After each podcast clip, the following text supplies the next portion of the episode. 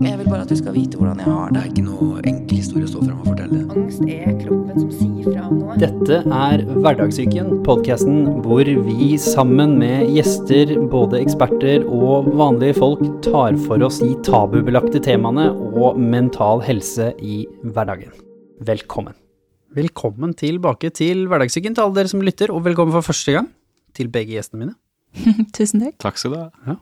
Det er alltid spennende når man liksom sier det, og så ser man på dere, og så blir man sånn Tør de si noe? Kommer de til å svare, eller kommer de Vet ikke? Eller det er ingen som har sagt om de skal si noe, eller bare nikke, eller bare Nei, her, dere får lov å si noe. Ja, Veldig hyggelig. hyggelig å være her. Vi skal i dag snakke om eh, noe så kjent og kjært for alle, tror jeg, som selvkritikk. Mm. Og da selvfølgelig at det har mange sider, regner jeg med. Dere har gravd dere ned i tematikken, og det kommer en bok, så når denne episoden kommer ut, så er det, kommer den ut litt sånn rett før boka, sånn at uh, muligheten for de som vil lære enda mer enn det vi gjør, kan eh, grave videre der, i den. Men vi gleder oss til å finne ut av eh, hva er nå egentlig selvkritikk, og kan ikke det være positivt, da? Kan ikke det være negativt, og, og hvor er borderline mellom de to? Så jeg regner med vi skal få noen tanker om hva vi kan gjøre med det, hvis det kanskje tar litt for stor plass i livet. Vi er litt for kritisk. Ja. Mm. Nydelig. Men da må de høre hvem dere er først. Så, Ja. hvem er dere? Jeg heter eh, Aksel Inge Sindig, jeg er psykolog. Jeg er eh, spesialisert i noe som kalles for emosjonsfokusert terapi, som kort fortalt egentlig er terapi med veldig mye fokus på følelser, der vi jobber med å gå inn i vanskelige følelser for å endre dem med andre, eh, mer hjelpsomme følelser. Det er egentlig det. Så jobber jeg mye med foreldreveiledning også, og skriver en del og ja. Veldig, Foreldre selv. Ja, foreldre selv. Jeg har to barn. eh, En på snart ett år og en på tre år. Så jeg er midt i småbarnsfasten. Og så er jeg glad i musikk. Det er veldig, jeg driver mye med det. Ja. Hva er favorittsangen akkurat nå i det Åh, favorittsangen akkurat nå. Nå har jeg faktisk egentlig sunget mest på en sånn sang jeg driver og pusler på sjøl, faktisk. Jeg. Men skal se, hva hører jeg mest på nå for tiden, da? Jeg har hørt eh, ganske mye på Japanese breakfast jeg, i det siste, faktisk. Ja. Da fikk vi et lite tips. Japanese breakfast, folkens. Sjekk det ut, og si hva dere syns. ja. Og hvem er du? Ja, jeg heter Sigrid Skeide. Eh, også Sigrid Magelsen Skeide, for å være helt nøyaktig. det er det det står på boka. Jeg er også psykolog, um, og også en videreutdanning i emosjonsfokusert terapi, samme som eh, Aksel. Aksel og jeg har vært kollegaer eh, en god stund um, i et eh, psykologfellesskap som heter IPR. Så, men for et par år siden så byttet jeg jobb til Oslo nye høgskole. Så jeg er høyskolelektor der på Psykologisk institutt. Ne. Og jeg har et barn som er seks år gammel. Mm. Det derfor du følte deg voksen, som du sa. Nå har liksom Ja. barnet gått på skolen, så nå er det liksom foreldremøter og lekser og Ja, det, det, er, det føles eh, som et stort skritt i livet. Da er det liksom eh, Da føler jeg har fått stempelet at jeg er voksen. Mm. Driver med sånn skolesekk og oppfølging og det. nye utfordringer. Ja, Ja. masse nye utfordringer.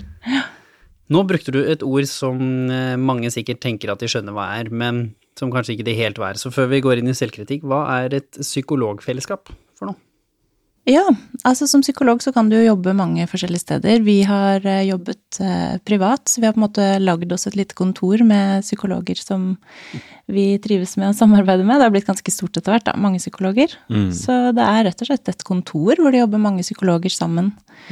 Eh, delvis samarbeider og delvis jobber litt Litt sånn som her, hvor man Separat. deler på kontorkostnader og de tingene, men hva er den faglige fordelen, på en måte?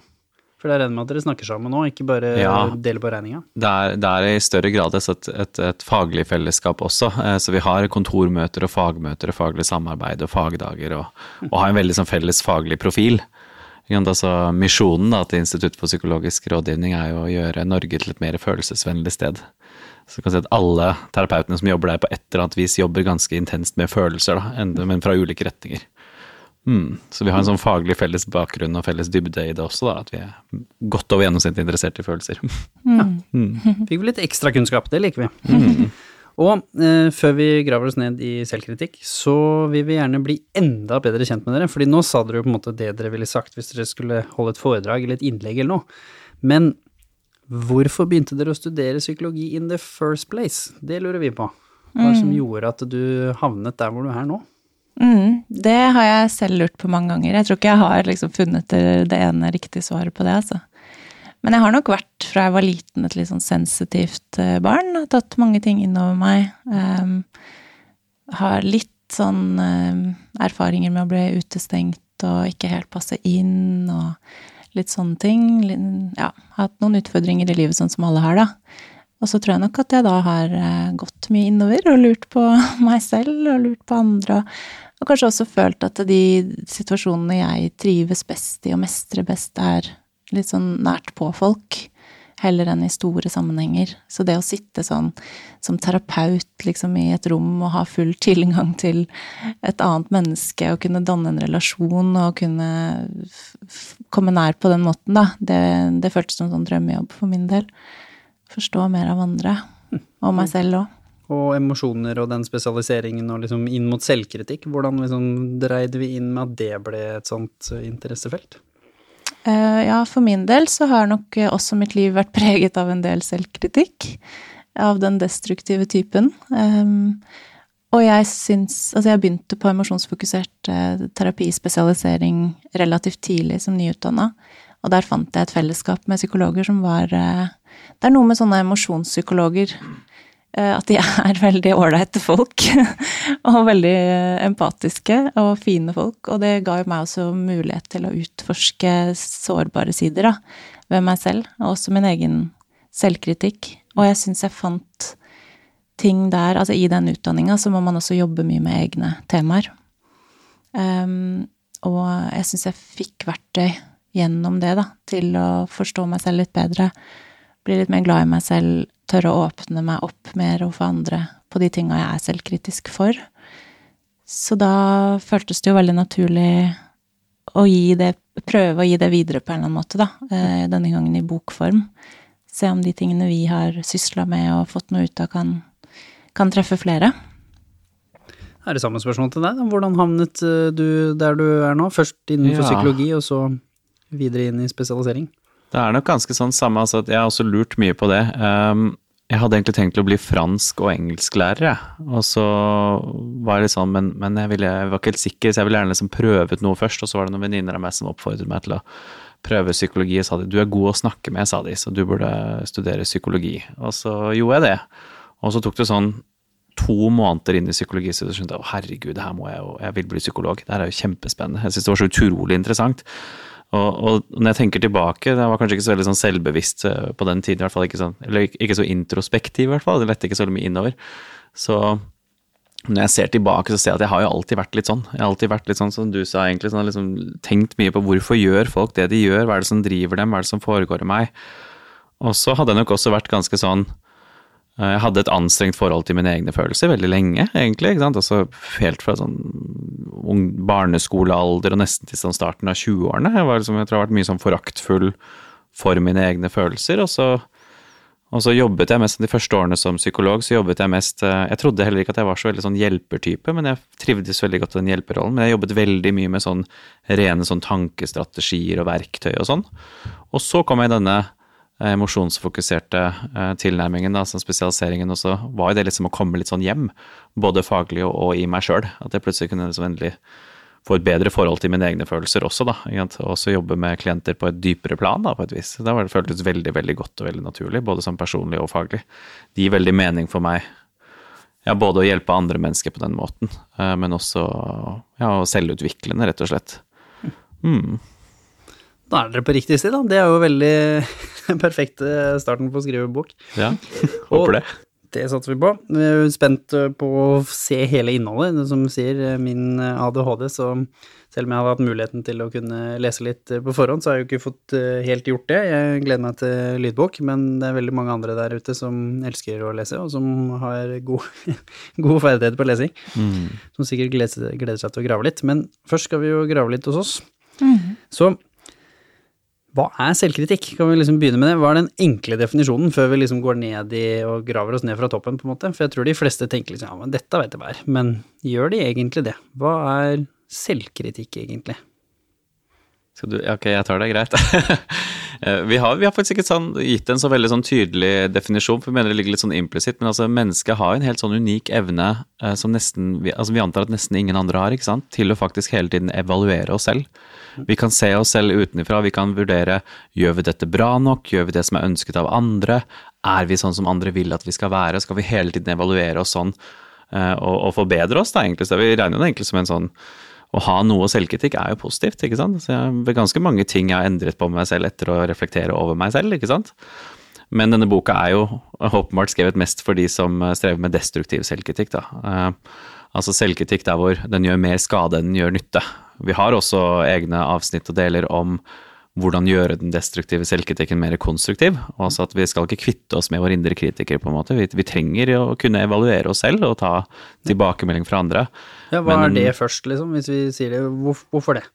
Hva, hva slags evne her? Fordi sånn evolusjonsmessig så kommer jo dette fra et overlevelsesperspektiv igjen, hvor man begynte å bli så avansert menneske at vi skjønte at vi må lære fra det vi gjorde i fjor med avlingene til eh, neste år, for hvis ikke så går det skeis, på en måte. Vi må slutte med feilene våre og fortsette å gjøre mer av det som tydeligvis funka, da. Ikke sant? Og i flokken, ikke sant? hvis du er i flokken i fellesskapet, og så kjenner du at oi, nå gjør jeg noe som ingen andre liker. Alle sender et signal da, om at dette er ikke ønsket med deg, dette, nå gjør du for mye av noe, du er for ivrig, du er for sint, du er for eh, usikker, eller et eller annet sånt. Og så merker man det på kroppen sin, så prøver man å justere seg selv litt. Det er en ganske nyttig overlevelsesmekanisme å ha, ikke sant.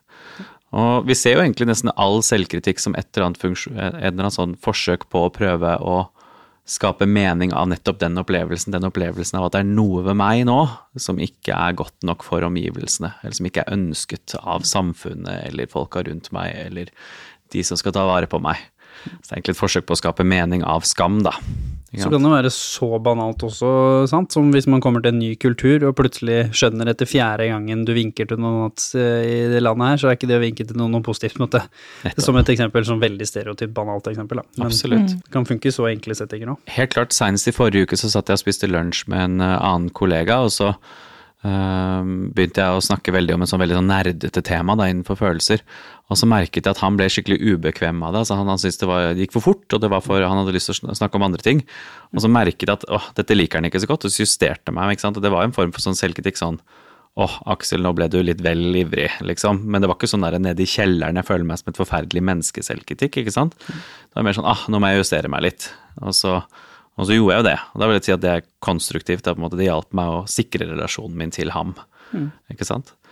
Men så er det jo den også- ja. Ja, og det bygger jo også på forståelsen om at vi er ikke alene i verden. Mm. Det er ikke sånn meg og mine følelser og mine handlinger er liksom det absolutt ultimate. Vi er en del av en relasjon med andre mennesker, og for å kunne ha det bra også med oss selv, så er vi nødt til å forstå at hvis jeg gjør visse ting, eller sier visse ting i visse settinger, så kan det få negative konsekvenser for meg selv. Absolutt. For en del sånn amerikansk, eh, spesielt sånn populærpsykologi, snakker ofte om liksom du skal ignorere de negative stemmene. Du skal ignorere eh, dine indre demoner og sånn, og det vil vi si at det er, det er jo ikke alltid så lurt, på en måte. Ikke sant? Det er, det er absolutt Det er ikke alltid man skal være 110 seg selv. Nei.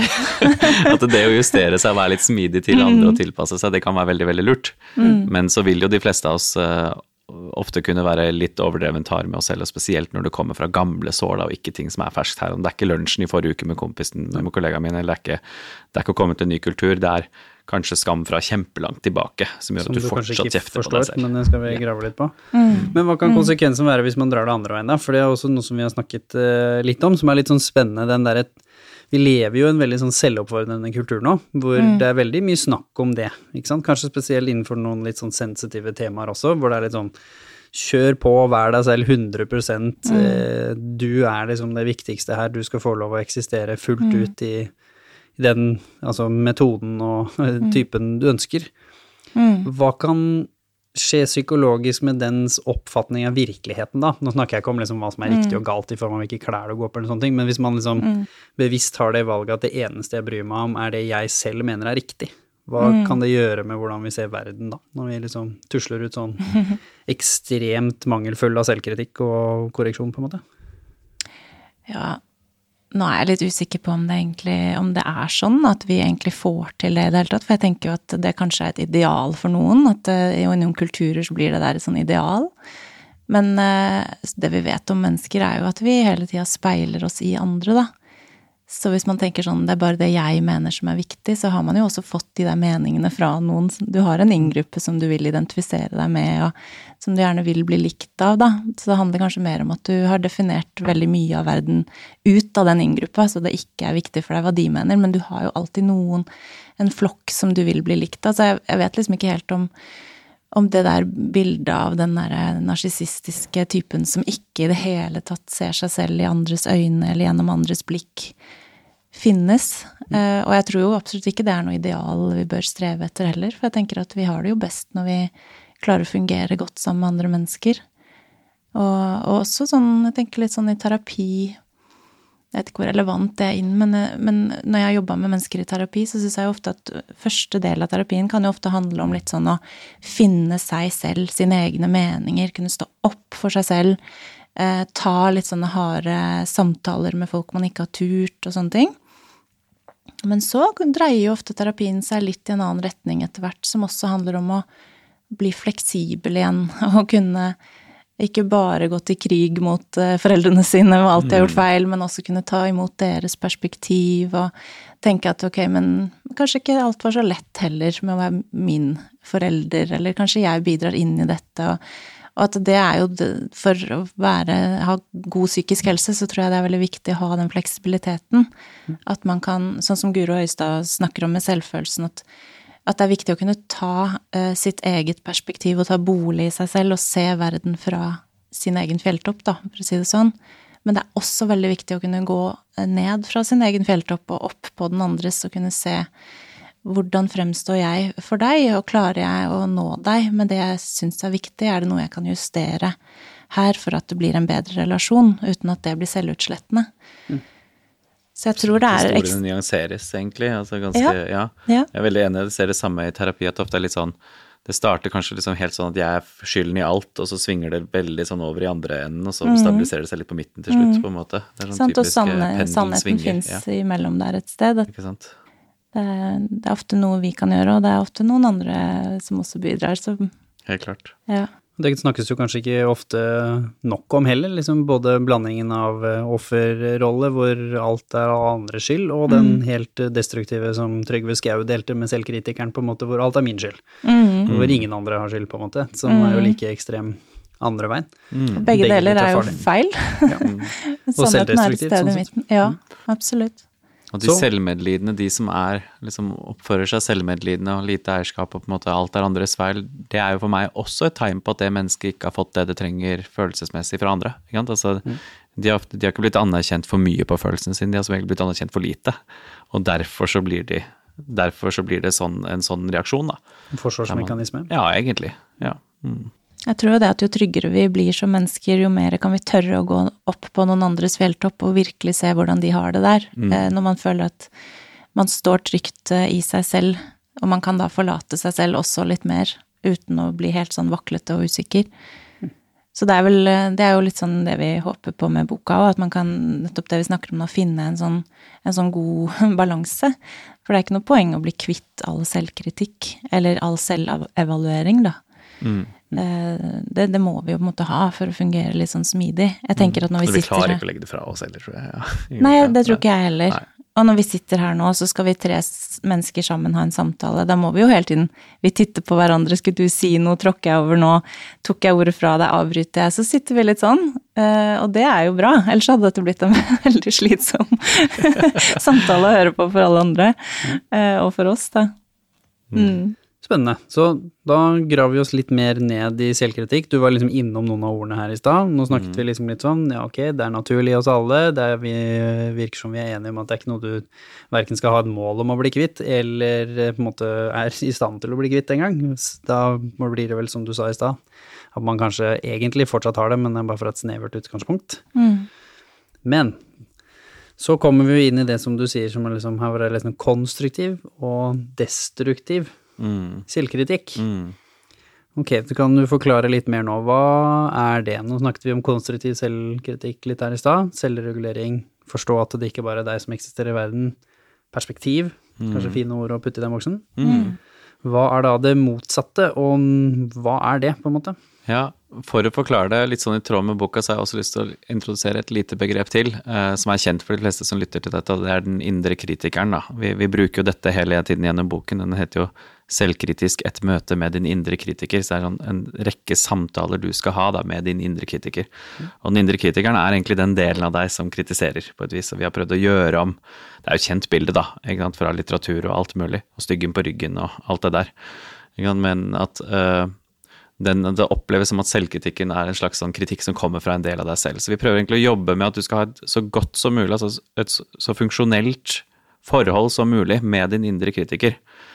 Eh, Så i det øyeblikket den eh, indre kritikeren din, altså den kritikken blir så global, den blir så dømmende, den blir så nedbrytende at du heller ender opp med å bare altså, stoppe det, du får ikke noen retning videre. Ikke sant? Eksempel at kritikken blir sånn i retning av du er helt håpløs og du kommer aldri til å få det til, eller du er et jævlig menneske og ingen må se alt det kjipe du har gjort og alt det kjipe du tenker om andre. Og man trekker seg unna, gjemmer seg eller på et eller andre måte prøver å få bort selvkritikken, som f.eks. å ruse seg eller skade seg eller drikke det bort. Eller at den kritikken altså den er så hard, den er så nådeløs at du må gjøre masse, masse, masse i livet ditt for å hele tiden holde den indre kritikeren din fornøyd. F.eks. For bli en sånn total perfeksjonist som overforbereder deg til alt mulig og skal gjøre alt perfekt. Hvis du gjør en liten ting feil, så kommer den indre kritikeren og hamrer løs på deg, ikke sant. Da er det over i noe destruktivt. Det var det jeg snakket ganske mye om, det der med at det er det var for meg en full liksom, korrelasjon mellom prestasjoner og mitt selvverd. Mm. Så prestasjonene var bra, da var det jo ikke noe problem. Mm. Prestasjonene var off, og da var ikke, som du sier, det var ikke mange prosentene vi snakker om her. Da var det ingenting imellom. Da, da ligger den indre kritikeren og venter, liksom. Ja, Ja, og så falt man rett ned. Det var liksom veldig hard indre dialog med en gang. Det gikk Mm. liksom rett fra at eh, det kunne heller kanskje ha sagt liksom Oi, du hadde en litt dårlig dag i dag. Det der var jo ikke helt ditt beste, på en måte. Mm. Kanskje du skulle sove litt bedre i natt, sånn at i morgen så er vi oppe, oppe og nikke igjen, på en måte. Men isteden så er det sånn herregud, du er ubrukelig. Du er liksom Dette kan du jo. Hva er det du holder på med, liksom? Er det lov å være så Så det ble liksom veldig på Og som du sier, litt sånn det manglet kontekst også. Det, var, det gikk til at du er ubrukelig istedenfor Oi, den så handlingen var litt off. Som er jo veldig stor forskjell på de to. Og hva er liksom Du beskriver noe globalt. Vi har, vi har et eget, eh, en egen del av boka egentlig som handler om fra destruktiv til konstruktiv selvkritikk. Mm. Vi der det- snakker mer om blant- løsningen etterpå, men Ja. hva er global? For kanskje du kan ta altså, Fordi én ting er jo å si til seg selv Mm. Jimmy, i dag var du veldig dårlig podcast-host. Herregud, du hadde en dårlig dag. I morgen må vi gjøre noe med det. Og så også si kanskje at liksom, du snakka for mye, eller liksom altså, det, er noe, det er noe med noe substans. Ja.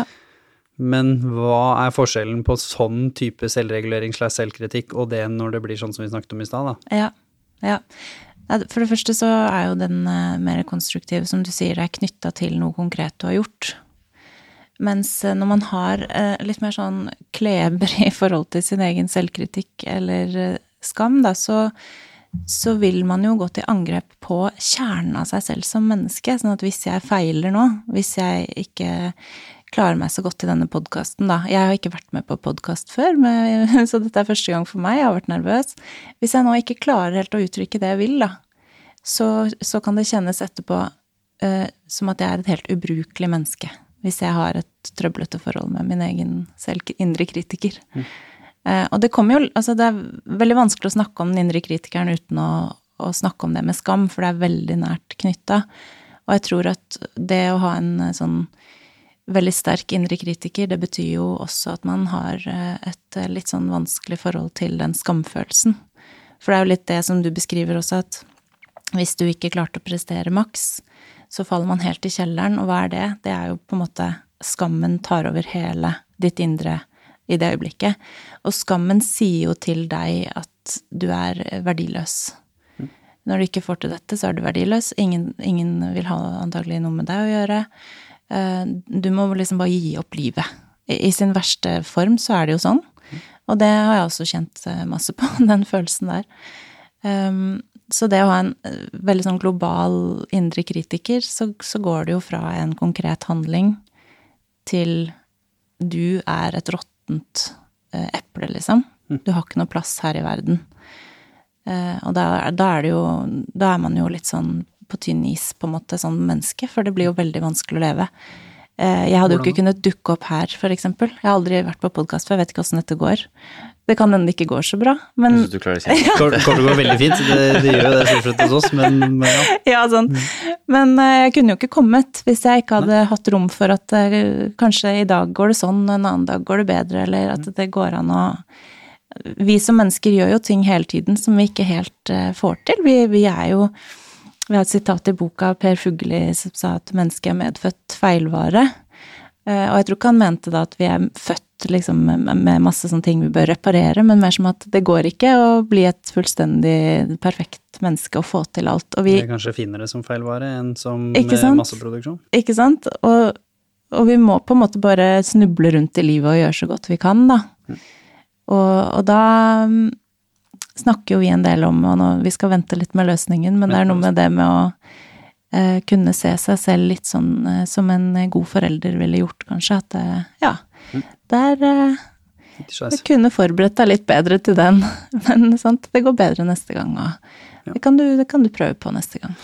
Det er jo nå er det to spørsmål som popper opp i hodet mitt. Det ene er jeg opplever ø, både å ha vært den personen selv, men jeg kjenner også personer hvor man har en samtale, og så eksempel gir man en form for ø, tilbakemelding. Kan være både konstruktiv kritikk og direkte kjeft, på en måte, hvis det skulle vært det også. Hvor man da som avsender snakker om en handling, eller en konkret ting. Så egentlig så beskriver jeg det som konstruktivt, eller personen til meg beskriver det som noe konstruktivt, noe konkret. Men jeg selv, eller personen jeg snakker til når det er motsatt vei, virker som opplever det helt motsatt av det det blir sagt, istedenfor at når personen gjenforteller hva jeg har sagt, eller hva, at jeg spør liksom hvorfor reagerer man sånn, eller de spør meg hvorfor blir du så opprørt nå, på en måte, jeg sa jo bare slutt med det, på en måte, eller kanskje det kan være lurt å gjøre noe annet. Hva er det som skjer der? At, eh, at det egentlig kanskje i samspill med andre, da, for vi møter jo folk hele tiden og får jo kritikk hele tiden, spesielt når vi snakker om skolen eller jobben eller liksom hvor det er veldig sånn typisk kultur hvor vi hele tiden får jo tilbakemeldinger. Hva er det som skjer da, og hvorfor kan noen mennesker ha det sånn? At man genuint går rett til å selvkritisere seg globalt når du egentlig får en konstruktiv eh, kritikk? Jeg tror det kan være mange grunner til det, for så vidt, da, litt forskjellig avhengig av hvem det er. Men når du snakker, så får jeg et sånt bilde av liksom øh, Hvis man noen gang har hatt en haug med kleshengere, og så skal du prøve å plukke liksom én kleshenger opp av den haugen, så, så henger det jo gjerne en hel klase med på, på en gang. Og jeg tror jo ofte at det som kommer inn der, rett og slett er øh, litt sånn levd liv for oss. At kanskje den øh, kritikken som var ment som en spesifikk kritikk om en liten ting, det eh, det festet seg rett og slett i noe i vår historie, og i noe i vår historie som vi ikke helt har klart å forsone oss med, kanskje. Og der kommer jo ofte noe av den destruktive selvkritikken også inn, at den handler jo gjerne om noe vi har opplevd på sårbare tidspunkt i livet. Kan fortelle litt litt- mer om det? Litt sånn eksempler og liksom hva, hva mener vi med det som du sier, det var ikke fra lunsjen i fjor eller presentasjonen eller den ene podkasten du var på Mm. som ikke gikk dårlig som var forrige uke. Det henger jo ofte sammen med noe Det er en grunn til at psykologer ofte begynner å spørre med hva skjedde når du var barn, på en måte. Selv om at Mm. man tuller litt med det, så er det jo en grunn til det også. Hva, hva er dette for noe, dette fenomenet som dere snakker om her? Det er egentlig altså at det ligger jo litt sånn ikke vi, Hittil så har vi snakket mest om tankene. ikke sant? Hvordan kan du gjøre det gå fra globalt til å snakke om handling? Hvordan kan du gå fra destruktivt til konstruktivt? Mens vi jobber jo egentlig mest på følelser. ikke sant? Det emosjonsfokuserte fokuset er jo mest sånn inn i følelsene. Og en sånn følelsesmessig lov er at hver gang vi opplever en følelse i nåtid, så vil den også kunne dra med deg alle dine opplevelser du har hatt med, med samme følelsen før. Så eksempel idet du opplever en sånn liten skamgreie i nåtid, da, så vil du kunne kjenne skam på samme måte som du har kjent i fortiden. Eh, Så eksempel at to mennesker som blir utsatt for samme kritikk, vil oppleve helt forskjellig eh, hvordan det er. Og hvis du har kjent, eh, og der er det den følelsen som Sigrid snakket så fint om, skam, den er viktig i selvkritikk. Så selvkritikk er på en måte skammens ansikt, da. Så vi, vi ser ikke på, det er ikke sånn at du skammer deg fordi du er selvkritisk, egentlig at vi tenker at du er selvkritisk fordi du skammer deg, egentlig. At det er, det er en måte, Nå kjenner jeg denne vonde følelsen av at jeg er uønsket, jeg er forferdelig, det er noe feil med meg. En følelse du har hatt før også, og så skaper du mening av den ved å rakke ned på deg selv, på en måte, for å skape en indre balanse på et vis. Det er litt den veien vi går, da. Se her, det var dette faren din sa til deg da du var seks år. Selvfølgelig. Yes, du, har, alltid vært akkurat så ubrukelig som du var da, på en måte. Litt sånn. Så, så i øyeblikket, ikke sant, når, hvis, hvis La oss si at du uh, får en konstruktiv tilbakemelding fra en annen, ikke sant, men så treffer det den lille følelsen av skam for deg, ikke sant. Og den plutselig blir veldig veldig stor. da, Som du drar med deg alle de kleshengerne på en gang, ikke sant? så blir det plutselig veldig stort. Og Da kommer den svære, gamle skammen, og da kommer den indre kritikeren med en gang og sier du er helt ubrukelig og håpløs. Der ser du nok en gang har du dritt i deg ut, nå er du helt håpløs igjen. Hvordan kan Altså- dette da påvirke våre handlinger? Hvordan ville man sett dette? For dette er jo det som skjer i- inni meg og inni oss. Men hvordan vil dette prege en person sitt liv, hvor dette har blitt såpass sementert, da, og, og kanskje henger ved de, og også gjerne kanskje litt sånn underbevisst, at man egentlig ikke helt Absolutt. forstår disse prosessene som dere forklarer så veldig flott nå, så høres det ut som dette bare er å nøste opp i, og så løser det seg, på en måte. Så går det veldig greit, ja. Det er jo ikke sånn det er i virkeligheten. Mm. Det er jo mange måter man kan bli påvirket. Jeg vet for min del så var nok Altså, jeg, kan ikke si jeg har noe alvorlig mobbehistorie, men jeg har en historie med å føle meg ikke en del av gjengen, på en måte. Og, og ikke helt forstå hvorfor. At jeg klarte ikke å finne ut hva er det jeg gjør gærent, eller gjør for lite av, eller for mye av, eller hva det er. Og en del sånne flaue opplevelser av å tro at jeg var med i gjengen, og så skjønne at eh, nei, men jeg var jo ikke ikke det, eller festen. Eh, Nei. Det var jo ikke meningen at jeg skulle få med meg den invitasjonen, eller ikke sant, et eller annet sånt, da. Og det er klart, når du får de opplevelsene i den der sårbare fasen, eller hele, hele barndommen er jo en sårbar fase, egentlig, da setter det seg. Eh, og for meg da, jeg kunne jo, jeg husker første FD-kurset jeg var på, så sto jeg jeg, kom, jeg hadde ikke vært på den første samlingen, så de som var der, de, hadde, de kjente hverandre litt fra før. Men så tenkte jeg nå skal jeg være litt sånn modig, gå opp til noen som jeg liksom hadde, kjente sånn bitte litt til, da. Og så skal jeg gå opp der, og så skal jeg bare prøve å bli med i samtalen, liksom. Og så når jeg sto der da, så, så eh, ble jeg på en måte ikke inkludert, da. Så de, de så på en måte litt på meg, og så fortsatte de å prate om det de eh, snakket om. Og jeg sto der, og jeg sto der og prøvde å liksom nikke og smile, og, prøve, og, og, og den følelsen av bare sånn Jeg klarte ikke å finne ut av det før litt senere hva det var, men det var som et ras på innsiden. At det var bare sånn Her er jeg igjen, liksom. For en idiot. Jeg tror, her har jeg trodd at jeg kan bare komme og være med gjengen. Og det er jeg jo Jeg passer jo ikke inn her, eller Det er jo mest en følelse. Det er litt sånn ikke alltid de ordene kommer så tydelig. Men um, men det som det førte til, var jo at jeg eh, da trakk meg stille og rolig unna. Mm. og, og, og ble veldig Så, så det, jo, det har vært mitt mønster, i hvert fall. At eh, litt sånn sosiale angsttendenser. At, at jeg blir redd for å bli ekskludert, så da ekskluderer jeg heller meg selv. Det var min neste, neste poeng og spørsmål, er jo det at Ja. det, det fører vel da både til aktive handlinger som Mm. går utover din egen på en måte selvverd, holdt jeg på å si, men også din eh, levd liv, altså kvaliteten på livet ditt. Absolutt. Hvor du neste gang kanskje velger å bare stå alene i hjørnet. Mm. Men også det at når du først står der, så kanskje har du såpass mye negative opplevelser bundet med dette at istedenfor å si hei, jeg heter, Ja. Og bryte inn i den sirkelen Det er det. aktivt, så står du der og ikke sier noen ting og venter, og så blir det en selvoppfyllende Eller kan bli en selvoppfyllende profeti. ja, ja, ja. For det er det samme med vår, altså, vår følelsesmessige læring igjen. Da. At det, det, bringer, det er ikke bare en erfaring og et minne, det bringer også, det er også forventninger knyttet til følelsene. Så kan si, hvis man har opplevd mye skam før, så går man liksom nærmest inn i en situasjon med en forventning om at dette skal skje igjen. ikke sant? Og da oppfører man seg annerledes. Og det vanligste mønsteret er det som Sigrid sier, kan du trekke seg tilbake og kritisere seg selv. Da. Det er det de fleste gjør. Kan angripe seg selv og trekke seg unna, trekke seg litt tilbake.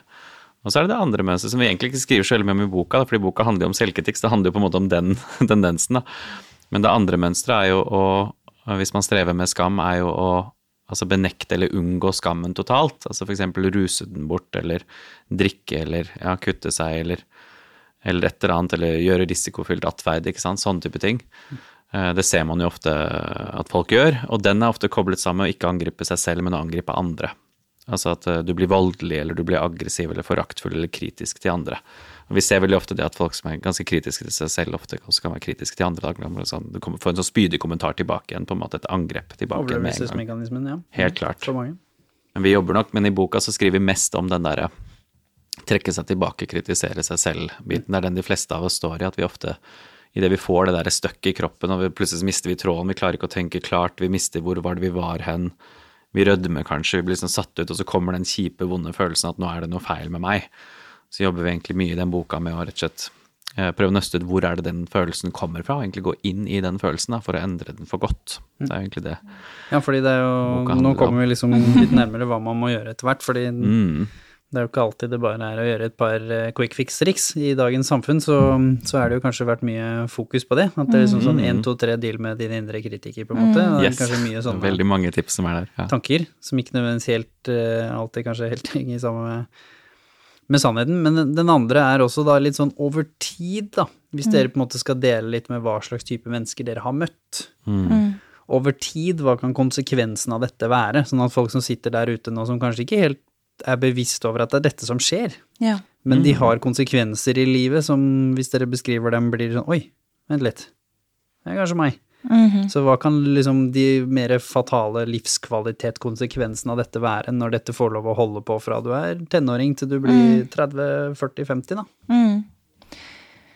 Ja, depresjon er jo en eh, tanke som slår meg ganske fort. Jeg opplever at mange av de jeg har jobbet med som har vært deprimerte, har hatt eh, ganske strenge og foraktfulle indre kritikere, og egentlig har vært eh, ofte preget av et sånn miljø, et slags indre miljø som som um, egentlig har tegn på psykisk vold, eller altså at det er en sånn psykisk vold som skjer på innsiden Mot seg selv. mot seg selv, ja. Fordi det er klart ehm, Skammen demper alt som fins av iver og interesse.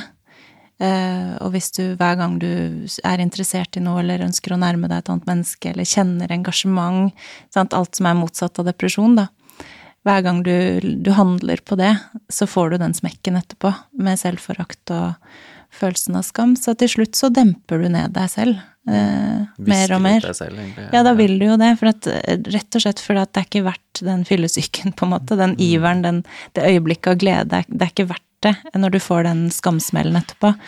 Så, så det kan jo føre til at man, man blir ganske sånn dempa som menneske og mister litt sånn um, Spontanitet og Ja. genuinitet og Er det egentlig da selvkritikk? Er ikke det egentlig selvregulering, bare gone wrong? At du, du har så mye dårlige opplevelser, du sier det her orker jeg ikke, nå skal jeg ha det litt bedre i livet, så derfor så går jeg ikke på den festen isteden, fordi sist gang jeg var der, så gikk Ja, det kan det er skamregulering, vil jeg sagt. Mm. Altså, det, det er en måte å håndtere skam på. Og selvkritikk er også på en måte altså, Men selvkritikk er et symptom på skam, da, på en måte kan man egentlig si. Eh, men ikke sant, altså men selvkritikken, hva den kan gjøre altså man, man kan bli også veldig lite rustet til å møte motstand igjen, på et vis. For hver gang man får det vondt, ikke sant? hvis man da også blir selvkritisk på sine egne reaksjoner, sånn som jeg sa at jeg var. ikke sant? Jeg var foraktfull overfor mine egne følelser. Du burde ikke være så jævlig redd. ikke sant? Sånn der, hvorfor er du så redd, hvorfor er du så pinglete, hvorfor er du ikke mer mann? på en måte, Hvorfor griner du? Så feig du er. Mye sånt på en måte som jeg fikk høre fra meg selv. Da er det plutselig veldig vanskelig å klare å gjøre noe med den frykten, da. Om jeg ikke kan anerkjenne at den er der engang. ikke sant? Og det som også skjer da, er jo at det blir en avstand fort eh, mellom deg selv og andre mennesker. Yes. Jeg trakk meg jo unna. Jeg viste jo aldri noen at jeg var redd. Nei, sant. Og det er jo litt apropos det vi snakket om i stad, at det er jo lettere å bli glad i et menneske som viser de tinga. Mm.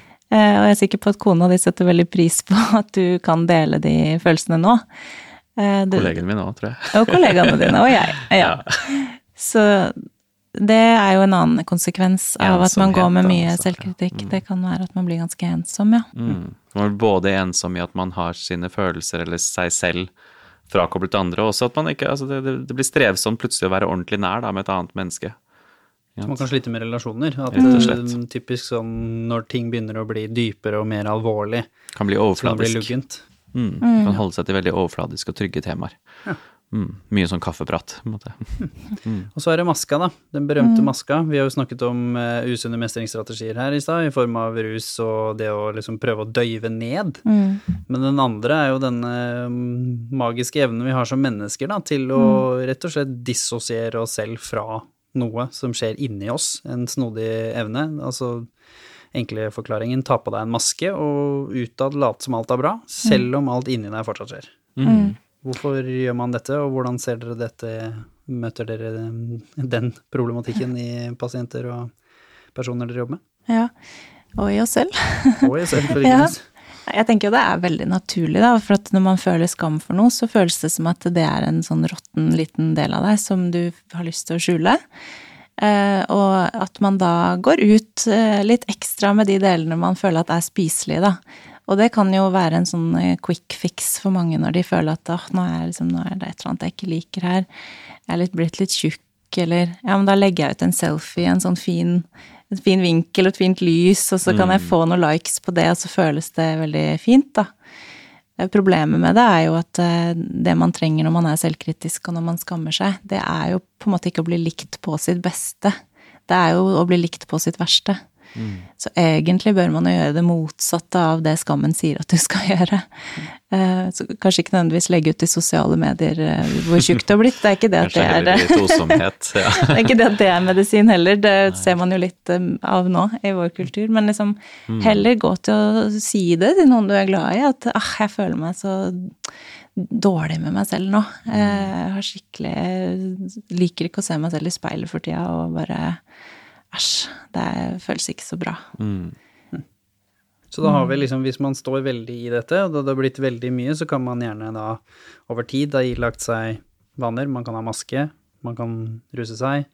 Man kan kanskje ta imot kritikk og beskjeder fra samfunnet hardere enn det de er ment Mm, når de kommer. Så man lever rett og slett i en verden som er litt vondere enn det den objektivt sett er. Mm, Lov å si. Absolutt. Det er fint fint ja, sagt. Fint sagt. Ja, Mm. så når man da tusler rundt i verden på denne måten, det går utover selvtillit, kanskje man ikke tør å kreve lønnspålegg, ikke sant, når det begynner å få sånne konsekvenser, man forhandler kanskje ikke renta i banken, man kan i tillegg eh, kanskje ikke gå på tredje date fordi du tenker at eh, ja, men denne personen sier jo nei uansett, så vi dropper det, og så plutselig kan du ha havnet i et liv som er ganske annerledes enn det du kanskje ønsker, Mm. og derav igjen selvkritikeren kommer tilbake, at selvfølgelig har du det livet fordi du fortjener det. Ja, for da blir det sånn ekstra selvkritikk, ikke sant, som ikke er- er selvkritikeren, er, den, den indre kritikeren der er nesten en sånn slags sånn positiv mental trener som sier sånn å herregud, se, se, se hvordan du har endt opp nå, nå må du i hvert fall komme deg ut. liksom, Så begynner man å kjefte på seg selv på at man ikke klarer det igjen også, på en måte. Ja. Så det sånn selvkritikk for å være selvkritisk, nesten. Herregud, som du bryter deg selv ned, nå må du slutte, liksom. Og så blir man, ja. Det blir sånn dobbelt opp. Mm. Ja. Så de der ute som føler på dette, da, uansett skala, om den på en måte begynner å bli usunn og kanskje er litt lettere å ta tak i, eller om den har sklidd så langt at man genuint er i en tilstand og lever et liv som er ti år langt unna det hvor du egentlig tenkte du skulle få til. Så kommer vi til det store spennende spørsmålet, vi har vært innom noen av de tingene da, men hvor begynner man da? Hva er liksom første steg hvis noen sitter og hører på nå og bare eh, det er nok meg. Det første vi foreslår i boka, er eh, å bli kjent med din indre kritiker. Altså det, er, det er det første stedet vi starter. Vi ønsker altså, Så, så vi, vi går på en måte Vi forlater litt det derre det, er- mange råd som vi har med boken også som er litt mer som på overflaten. ikke sant? Hvordan kan du liksom justere det litt, justere kritikken fra destruktiv til konstruktiv osv. Men vi, vi ønsker egentlig å hjelpe uh, klienter og lesere og til å måtte se for, for, for, først gi en stemme til din indre kritiker og bli kjent med den. Så prøver vi å hjelpe dem også til å finne ut hvor er det dette kommer fra. Altså, hva er den gamle, ska, den gamle skammen? Hva hva er det den dreier seg om? Hvorfor og hva er det den passer? pass- Eh, vi vil at du skal Egentlig, at, egentlig på en måte for å være litt sånn teknisk, da, så bruker vi den indre kritikerens stemme til å prøve å finne ut hvor det kommer fra, egentlig. Eh, I det, i, det du hører din indre kritikk, så vekker du jo den skammen som er eh, gammel, da. Og det kanskje kan minne litt om måten det blir sagt på, kanskje minner om et gammelt minne, altså fordi man konstruerer jo ting Absolutt. hodet. Og det er ofte sånn enten sånn hva er det de minner om, hvem er det de minner om, men også på en måte hvilke, eh, hvilken funksjon har den? Hva er det den prøver, og hva er det den er redd for at det skal skje, hvis, du, hvis den ikke kritiserer deg? Det bruker vi masse tid på, det er et helt kapittel som heter Den livredde vaktbikkja. Der vi jobber masse, der vi jobber masse med hvordan den, den indre kritikeren din, så den kan virke veldig sånn stor og streng og skummel og og ond på oversiden, eh, på, på overflaten, men så egentlig så det kan nesten ses på som en sånn livredd vaktbikkje som er livredd for at du skal få det vondt. Ja, altså, vaktbikkja, det er sånn at i det øyeblikket vi har det vondt som, som vi er når vi er små, da, så er det akkurat som en del av oss tar et sånt litt sånn steg til siden og så ser på oss og sier at så vondt som du har det nå, så vondt skal du aldri ha det igjen. Jeg skal passe på at du aldri skal ha det vondt igjen.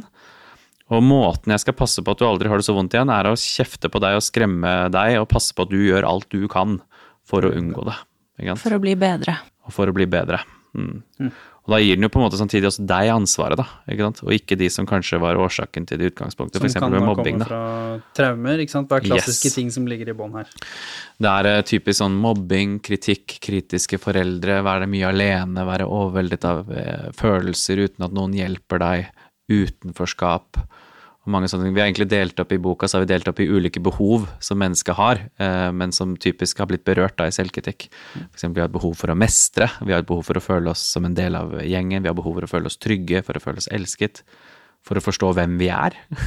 Så vi prøver hele tiden å skape mening av hvem vi er, da, i lys av andres tilbakemeldinger til oss, ikke sant. For det er viktig å si her at det trenger ikke være noe gravalvorlige traumer. Det kan være noe som du beskrev i stad, med at du føler at du ikke passer inn, men du vet ikke hvorfor.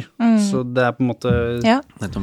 Komplekse traumer, da, som på en måte det mer kan handle om, som da kan føre til like ille Ja. selvkritikk som en sånn konkret, grusom enkelthendelse. Absolutt, for den indre kritikeren kan starte litt sånn i det små, og så kan den vokse seg veldig stor, og særlig hvis den ikke har fått eh, lys på seg, da. Og det er jo det vi oppfordrer veldig til i boka, å skinne lys på den, både for din egen del, bli kjent med den, at det ikke skal være en sånn hviskende skygge i bakgrunnen, men at du rett og slett tar tak i den, sett den foran deg, se på den, bli kjent med den, og la andre bli kjent med den. Um, for ellers så vil den jo gjerne vokse. Mm. Trygve Skau sa jo det så fint i episoden om indre kritiker, så sa han at det var litt sånn tilfeldig at han fortalte om det. Han fortalte om det til en kompis eh, på turneen, Ja. og så sa han litt tilfeldig hvordan han snakket til seg selv. Mm. Og så var det kompisen hans som var sånn Snakker du sånn til deg selv? Sånn på ordentlig, liksom? Mm. Og så var det kompisen hans som da ga Trygve forståelsen av at oi, det er ikke vanlig. Det er ikke, det, det er ikke snilt, på en måte. Det er ikke sånn Nei. man skal gjøre. Og så plutselig ble han kjent med noe han trodde var sånn Er det ikke sånn for alle, på en måte? Ikke sant? Ikke sant? Og det er jo også en viktig del av det å bli kjent med indre kritiker, fordi den er der ofte og hvisker uten at vi legger merke til det òg. Så det er noe med det også et sånn startpunkt, at vi må finne ut hvor er det den eh, dukker opp, og når er det. Og kanskje er det rett og slett nesten hele tida den der eh, hviskefølelsen er der.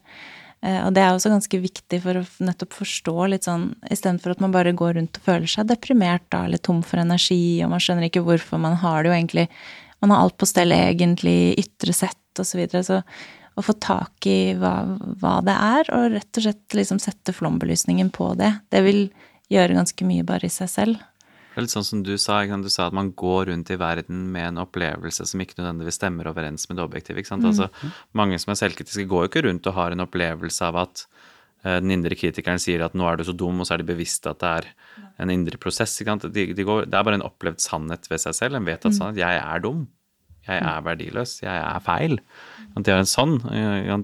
Så prøver vi på en måte å, å få fram at at dette er at på et vis liksom legge vekt på at det er ikke bare en sånn vedtatt sannhet, på en måte. Det er, en emosjonell prosess som foregår i deg. Ikke?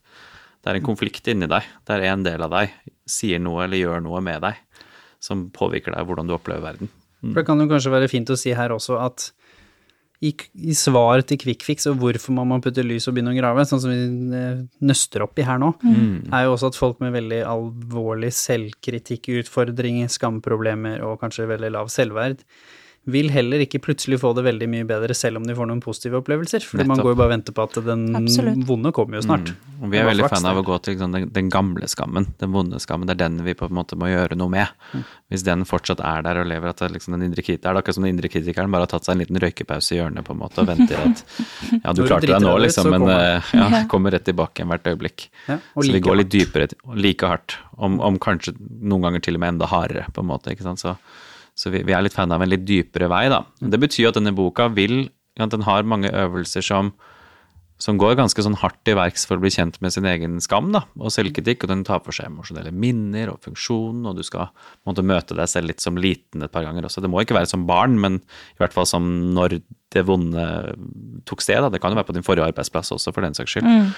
Eh, men så det vil jo Det er nok en litt sånn vond bok å lese for mange, ikke sant? men vi, vi har vel sånn til det. Det er sånn vi jobber med klienter også, at vi har, vi har, vi har mening at det er, det er sånn vi også oppnår best varig endring, da. Så at sånn følelsene i seg selv er ikke farlige, ikke sant? Eller det. Sherlock Holmes. Ja, så det blir sånn Sherlock Holmes, Ja. man må begynne sånn, ok, hva føler jeg nå? Mm. Titte litt på selvkritikeren min, hva er det han sier for noe, hva er det Ja. hun sier for noe, avhengig Ja. av hva man ser det som, hva er det det sier for noe, det er noen som ser det på som et, som et dyr, jeg har jo mange Ja. som Mm. beskriver det som Absolutt. ulv, The inner gremlin, da. Mm. sånne ting. Så først så gjør vi det, finner vi ut av det, og så må vi se, men hva er det det minner om, hvor kommer det fra? Mm. Og hva så prøver du å oppnå? Ja, og hva er det du skal beskytte meg mot? Hva er det du prøver å beskytte meg meg for? Ja. Og så må man kanskje da Hvordan graver man i fortiden, da, om ting man kanskje liksom for lengst har fortrengt, slash eh, i hvert fall ikke bruker noe tid på å tenke på nå. Jeg var jo 27 før jeg var så heldig å gjøre en øvelse som gjorde at jeg skjønte de tingene jeg sier nå, hvor det liksom høres ut som jeg forsto at prestasjoner og selvverd hang sammen. Og se, altså, Jeg skjønte jo ikke det i det hele tatt. Jeg svirra jo rundt i verden ene og alene som uten noen forståelse for det, og jeg skjønte ikke at det hadde med Nei. min biologiske far å gjøre, Nei. som tok litt tid. Så hvordan Mm. på en måte Mm. anbefaler dere å finne ut av de tingene der, da, når det ikke er helt innlysende?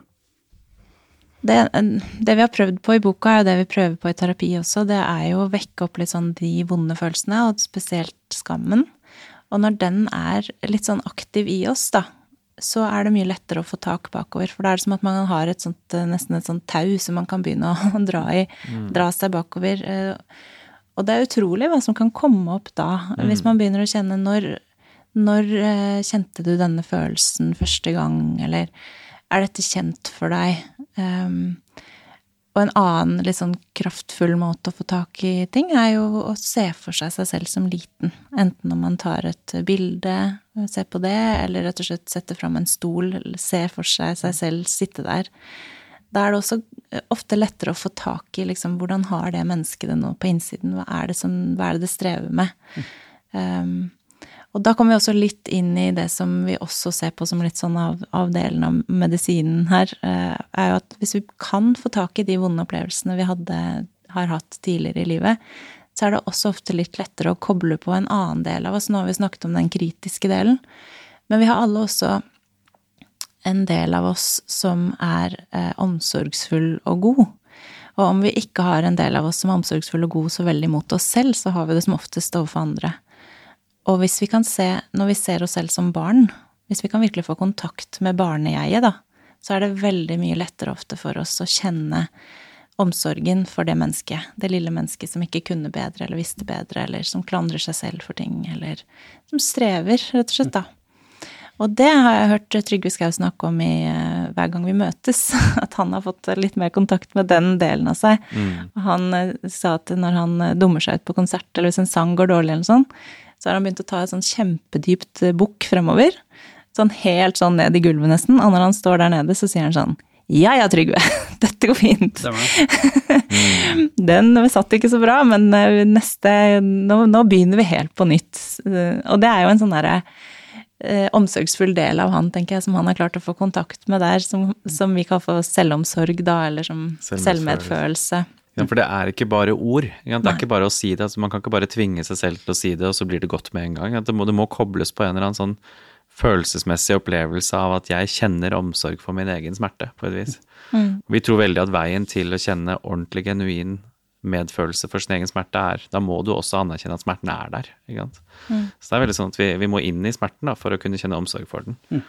Og følelser er nøkkelen her. Kan ikke dere fortelle litt sånn holdt på å si eh, nevrofysisk, hvorfor er følelser viktigere enn tanker og minner?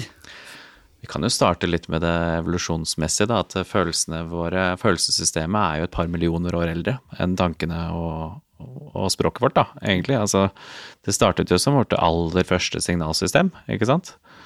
Eh, Vi deler jo dere, For de lytterne som har hunder, så vet de at hunder kan ha alle de samme følelsene nesten som vi har. Kanskje ikke de mest komplekse, som sånn nostalgi og men de kan absolutt være sjalu, ikke sant? men de kan skamme seg, de kan underkaste seg. Når du har kustus på hunden din, så er det fordi hunden skammer seg og underkaster seg deg i hierarkiet.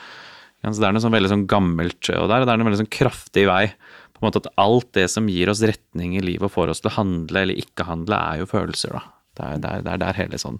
Så vi ser jo på tankene som litt sånn sekundært. Vi tror absolutt at man kan påvirke følelser med tanker, åpenbart. Og vi tror veldig også på at man trenger språket og tankene til å skape mening av følelser, og på en måte lande en slags sånn følelse av at dette er det jeg føler. Og det er veldig lindrende i seg selv, men vi, vi har også en veldig sånn tro på at eh, for å få til sånn varig endring, så må man også man må jobbe med følelser og ikke bare tanker, da. Så er det jo noe det med hvordan minnet lagret også. Vi snakker om at, det er jo at, eh, følelser lagres jo mye lenger enn alle Det er akkurat det, at følelser er som en sånn kraftinjeksjon i hukommelsen din, ikke sant. Når du, at vi husker ting der vi har følt mye. De, de øyeblikkene du tenker tilbake på livet ditt, eller kan si meg selv, da, altså Jeg husker bryllupet mitt, det var en god følelse Når jeg så kona mi komme gående opp. Jeg husker første gangen jeg holdt datteren min i hendene. Jeg kan huske en gang jeg følte at jeg ble ordentlig sånn trøstet av faren min. Men jeg kan også huske ganger jeg ikke har blitt trøstet. Jeg kan huske ganger jeg har vært alene, ganger folk har sagt skikkelig kjipe ting til meg, eller jeg har følt meg helt ubrukelig ikke sant, som menneske. Og det er liksom, det er jo en nevrologisk eh, lov, hvis du vil ha de virkelige detaljene, som kalles for langtidspotensiering, som gjør at nervecellene fyrer mer i det vi opplever følelser. Så Derfor så husker vi kjipe ting folk sa til oss på en spesifikk dag, men vi husker ikke hva vi spiste til middag på i november i fjor. Mm. Og derfor er det også nyttig, da, som når du skal nøste opp i gammel moro, Mm. og kanskje trekke litt mer mot følelsene enn å sitte og strebe etter og prøve å tenke på hva skjedde, når var det, hvilket år var det, fordi det er litt mindre viktig, men det er litt mer sånn var det en gang Opplevelsen som er viktig, ja. Mm. Du husker den følelsen. Helt klart. Og vi ser det sånn som Sigrid sa i stad, at når du har en følelse Det var det jeg også spilte på, at når du har en følelsesaktivert i nåtid, så vil du også kunne få tilgang på følelser fra fortid, på et vis. Sant? Og forstå at det henger sammen. Litt sånn som Mm. dere sa i stad, for de fleste gikk jo ikke rundt og forsto det. Jeg forsto ikke hvorfor jeg var så hard med meg selv Mm. når noe ikke gikk veien, eller hvorfor det var så vanskelig for meg å få denne konstruktive kritikken, som egentlig gikk på noe veldig Altså noe veldig konkret, men som Mm. jeg da i mitt hode fikk til å handle om at jeg ikke var bra nok, jeg fortjente ikke å være her, alle disse tingene som da strødde seg nydelig tilbake til, til min, eh, min fordom og min skam og mitt selvvei, da, som var borte. Absolutt. Absolutt. Hvis du snur det litt sånn andre veien, ikke sant, så gir det så veldig mening at ja, For nå snakker vi om fra nåtid til fortid. Den kan være en lang, kronglete vei, ikke sant. Men vi har vi gir mange øvelser for liksom hvordan ta den veien, da. Men at et barn vokser opp, og så opplever det på kroppen og føler at nå er det noe ved meg som er uønsket, eller, eller det opplever at det er et eller annet ved meg som er galt, eller de vil ikke ha meg, eller de vil ikke Mange som har blitt adoptert, sitter jo med denne følelsen uten Yes. forklaring, fordi de får aldri vite hva som har skjedd. De har kanskje ikke et språk til den følelsen, de bare at, de bare kjenner det, ikke sant? Og så er jo det da ikke bare et minne eller en episode, ikke sant? Det er, det er, en, det er en forventning til livet, på en måte, ikke sant? Som, som danner seg med. Det er emosjonell læring, da. Vil folk ha meg? Vil folk like meg? Kan jeg forvente at jeg får trøst hvis jeg er trist? Kan jeg forvente at folk vil beskytte meg hvis jeg er redd? Ikke sant? Alle disse tingene lærer vi på en måte hele veien, og så har vi med oss det inn i voksenlivet. Og så er det sånn rart greie i vårt samfunn at vi tenker liksom at når vi er voksen, så er det akkurat som vi liksom skal nullstilles, og så skal vi bare oss, oppføre oss liksom rasjonelt. Nå har jeg gåseøynene oppe for de som hører på. ja. Rasjonelt og logisk og fornuftig, på en måte. Og skal vi liksom ikke bli preget av følelsene våre for fortiden. Men det er jo vi er jo et, helt, vi er et veldig komplekst følende vesen som har liksom gått gjennom et helt liv da, og lært oss forventninger og verdier knyttet til livet gjennom følelsene våre. Ja. Og det, og det kan jo være veldig vanskelig å få medfølelse med seg selv som voksen når man strever med de tinga, hvis man ikke ser den linken. Nå gjetter jeg litt med, med deg, da, men hvis, jeg, jeg tipper at du prøvde å tenke masse positive ting. Og, prøv, og sikkert også ble litt sånn streng med deg selv at herregud, jeg kan ikke drive og ta alt så personlig. Og det er veldig vanskelig å bare kjenne den der, ja, men eh, altså virkelig føle varme for seg selv. Når man strever med noe man syns er helt idiotisk. Så, men når man klarer å ta den der litt sånn Hvis du kan se, se for deg indre Jimmy istedenfor, da. Eller min indre liksom lille Sigrid. Så er det mye lettere sånn Å ja, nå er det du som er her. Lille meg. Det er det du Nå er du her og føler på noe. Føler deg utafor, eller føler deg rar, eller Og da er det jo mye lettere å kjenne at Men vet du hva, deg kan jeg faktisk akseptere. Det kan jeg leve med.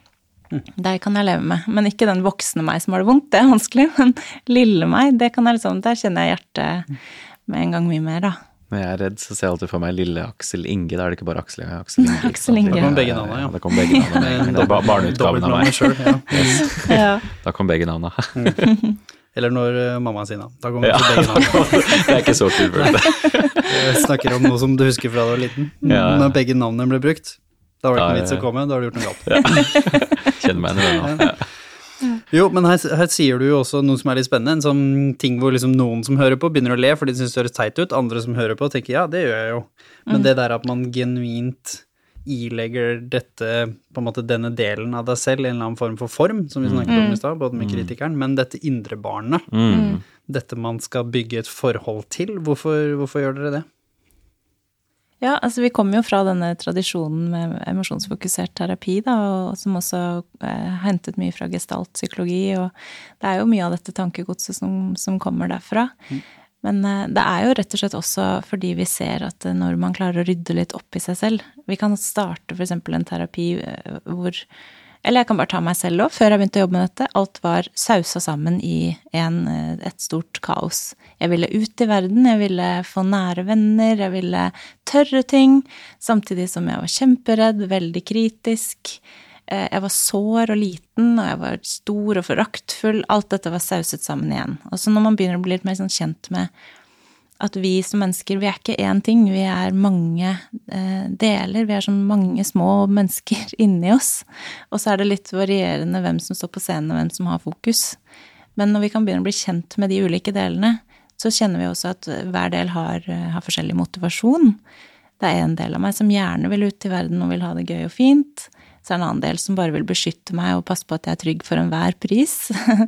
Eh, og så er det et lite barn, sant? så er det en voksen. Og så Ehm, er det en ryddeprosess som gjør at det blir så mye enklere å, å akseptere seg selv og komme videre fra det fastlåste, da, for at hvis du står og den ene delen av deg drar deg i en retning, den andre delen drar deg i en annen retning, og det er full krig mellom de to delene, så kommer det jo på en måte ingen vei. Det ikke, og det er jo samme i parterapi. Hvis, hvis, hvis det blir en sånn polariserende prosess hvor man, ønsker, hvor man, tror det verste om den andre, man klarer ikke å forstå hva motivasjonen til den andre egentlig er, så drar man jo bare hver sin vei, og så ender man jo med helt sånn stillstand. Det er vel definisjonen på dagens samfunn, ja. strengt talt. ja, det er, også et poeng. Det er jo veldig mye mer polarisering som generelt. Ja, absolutt. I ute. Ja. Vi ser at ganske mange har et veldig sånn polarisert forhold til sin indre kritiker. Mm. Altså, enten sånn som vi snakket om før i praten, ikke sant? sånn jeg må bare gjøre alt perfekt for å holde kritikeren min på avstand, ikke sant? Mm. Eller de som er i krig med kritikeren sin, altså som hele tiden har en sånn dialog, sånn kamp inni hodet sitt, der kritikeren kjefter, og vi kjefter tilbake en 'Slutt å behandle meg dårlig. Mm. Uh, ha deg vekk.' Eller 'Nei, det er ikke sant det du sier.' Så prøver vi hele tiden å motbevise vår kritiker. Det er kjempeslitsomt, det òg, ikke sant? Mm. Eller der vi bare har gitt opp og bare underkastet oss og bare går rundt og skammer oss. Ikke sant? Så kritikeren er den sterke, da. Eller der vi prøver å unngå den indre kritikeren, som vi også snakket om. At de bare Nei, jeg skal ikke høre på den, jeg skal bare være meg selv 100 Et eller annet. Ja. Uh, og så prøver vi på en måte Samme som i parterapi, sånn som Sigrid sa, vi prøver å få til den dialogen mellom de to partene. Sånn at, uh, for du kan ikke kvitte deg med din indre kritiker. Du vil ikke? Eller? Nei, egentlig ikke. ikke sant? Og, og det er liksom umulig å gi slipp på en del av seg selv som har opplevd smerte. Og du kan ikke gi slipp på ditt indre barn heller. Du kan ikke Nei. kvitte deg med ditt indre barn. Ikke sant. Det var det jeg prøvde i mange år, men jeg klarte ja, ikke det. Nei, jeg ikke prøvde, prøvde, det, jeg òg. Prøvde i ti år, jeg tror. Skal aldri bli sånn Jo, men det er jo ja, lett å gjøre. Sånn. Jeg, jeg genuint tenkte det men jeg ja. deler og satt at jeg liksom var suicidal på en måte på nytt. I en mm. alder av 27 så var det heldigvis litt uh, kortere enn jeg var 13, men da tenkte jo jeg genuint Nei, Hvorfor er du her nå? Det gir jo mm. ingen mm. mening. Du har det livet, du er mm. ekspert i Singapore, du fortjener ikke å tenke sånne ting. Er du mm. helt liksom Nå må du gi deg. Altså, mm. Så plutselig så anerkjenner man ikke disse følelsene og sier liksom Den gamle, lille valpen der, på en måte, som du så på som en som ikke klarte seg i verden, da. Mm. Du kan dra hjem. Mm. Du får, har ikke noe her å gjøre. Eh, og da ødelegger man jo prosessen. Jeg ga jo null anerkjennelse av hva som foregikk i meg der og da. Mm. Det var bare sånn nei, skjerp deg, på med maska, gå ut, slutt å sutre, og så kjører vi på. Quick fix, ikke sant. Én, to, tre, du vet åssen du skal gjøre det. Og jeg hadde jo mye kompetanse innenfor Jeg sto i en stor skade, så jeg hadde jo liksom det jeg trodde jeg trengte. Men jeg bare glemte at uh, følelsene og hodet og at ting mm. henger sammen med mm. traumer fra gamle dager, da. Så jeg mm. hadde ikke kompetanse og kunnskap eh, om den psykiske delen av situasjonen, bare den fysiske. Jeg mm. følte at dette, dette burde jeg ikke gjøre, mm. rett og slett. Mm. Selvregulerte meg selv eh, veldig dårlig der, i den forstand at jeg dro det for langt. Som jeg tror mange kjenner seg igjen i òg. Absolutt. Jeg husker jeg kjente masse forakt mot uh, Aksel Inge, den lille gutten, på en måte, sånn, ja, og følelsene og sånn måtte nesten forsones litt, liksom. liksom ta den med videre på et vis. ikke sant? Mm. Uh, og så, så, det er jo masse her som er viktig med dette, å altså skille disse fra hverandre. Altså for å få en dialog, for å bli kjent med de ulike delene av seg selv. Også faktisk det for å ha noe å uttrykke noe til. Altså det, er, det, er det, det, er, sterkere å uttrykke en følelse direkte enn å bare tenke om den eller snakke om den, på en måte. Så det er noe annet å på en måte se for seg barnet i seg selv og aktivt trøste det, da, enten gjennom visualisering eller, eller skrive til det eller snakke til det. ikke sant? Det er noe annet enn å bare tenke på det, på et vis. Det er Idet du aktivt uttrykker omsorg, så blir det mer ekte, på et vis. ja. Hmm. Så det er noe med det også. Så vi har mange sånne øvelser i boka som er å på en måte først skrive noe, og så lese det opp. Ja. Mm. Vi har også Torstein, en av de flotte intervjuene som vi har, som anbefaler dere å se på i den dere har. Han sier jo det rett ut, at han gikk jo tilbake til 13 år gamle seg selv og sa vet du hva, Torstein, det er greit. Jeg, liksom, jeg, jeg tilgir deg for at du gjorde ditt beste. Eh, Den gangen, noe han bar med seg at det ble såpass ille at han spytta på seg selv i speilet og liksom var den som gikk i veldig hard eh, kritikk mot seg selv, da. selv om livet hans utad var veldig suksessfullt. Som er jo også en, en veldig typisk eh, scenario som dere sikkert har sett mye av.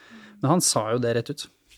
Vet du hva, Torstein, det er greit. Han sier det veldig fint i, i intervjuet, det blir veldig billedlig. Eh, hvor han da bruker denne 13-årige følelsen av seg selv, hvor Yes. han da mente at han sviktet seg selv og ikke lyktes, da, den gangen.